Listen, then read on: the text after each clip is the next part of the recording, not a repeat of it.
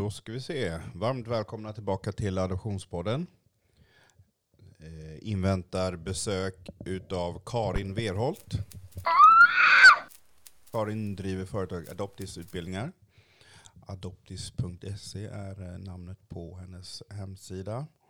Jag har bett Karin komma hit idag för att jag vill gärna veta lite mer hur man arbetar med eh, adopterade idag. Och Karin själv då, i och med att hon, eh, om jag förstår hennes hemsida rätt, är adoptivförälder och eh, eh, utbildar i rådgivning och är sakkunnig i adoptionsfrågor.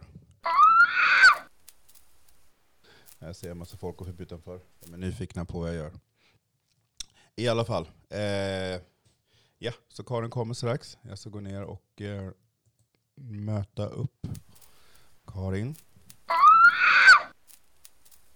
hemsida som Adoptis har. Jag vet att eh, Karin var lite eh, orolig över att komma och träffa oss här på Adoptionspodden i och med att vi är adoptionskritiska. Men jag eh, lugnar henne med att eh, vi kommer inte hoppa på henne utan eh, meningen med hennes besök är att jag vill ge information till vad som sker idag med adopterade. Även om jag inte gillar adoption, eller vi, även om vi inte gillar adoption, så kan vi ändå få reda på hur man arbetar med adopterade idag i förskola, skola och inom socialförvaltning. Och det är det som, eh, som eh, Karin ska få berätta för oss. Så här står det på Karins hemsida, adoptis.se och under fliken eh, när du klickar på förskola. Välkommen till en inspirerande utbildning för dig som arbetar inom förskola och pedagogisk omsorg. Internationellt adopterade barn är utan undantag barn med särskilda behov. Helt korrekt. De har erfarenhet av separationer och att vuxna har brustit i sin omsorg om barnen.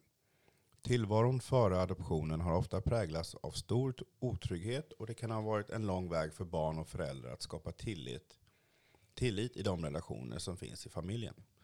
Under inskolningen i förskolan har barnet ofta en ökad sårbarhet i samband med separationen från föräldrarna och skapandet av trygga relationer till pedagogerna. En trygg inskolning där barnet i lugn och ro och i sin egen takt kan knyta an till personalen på avdelning, är, avdelningen är nödvändig.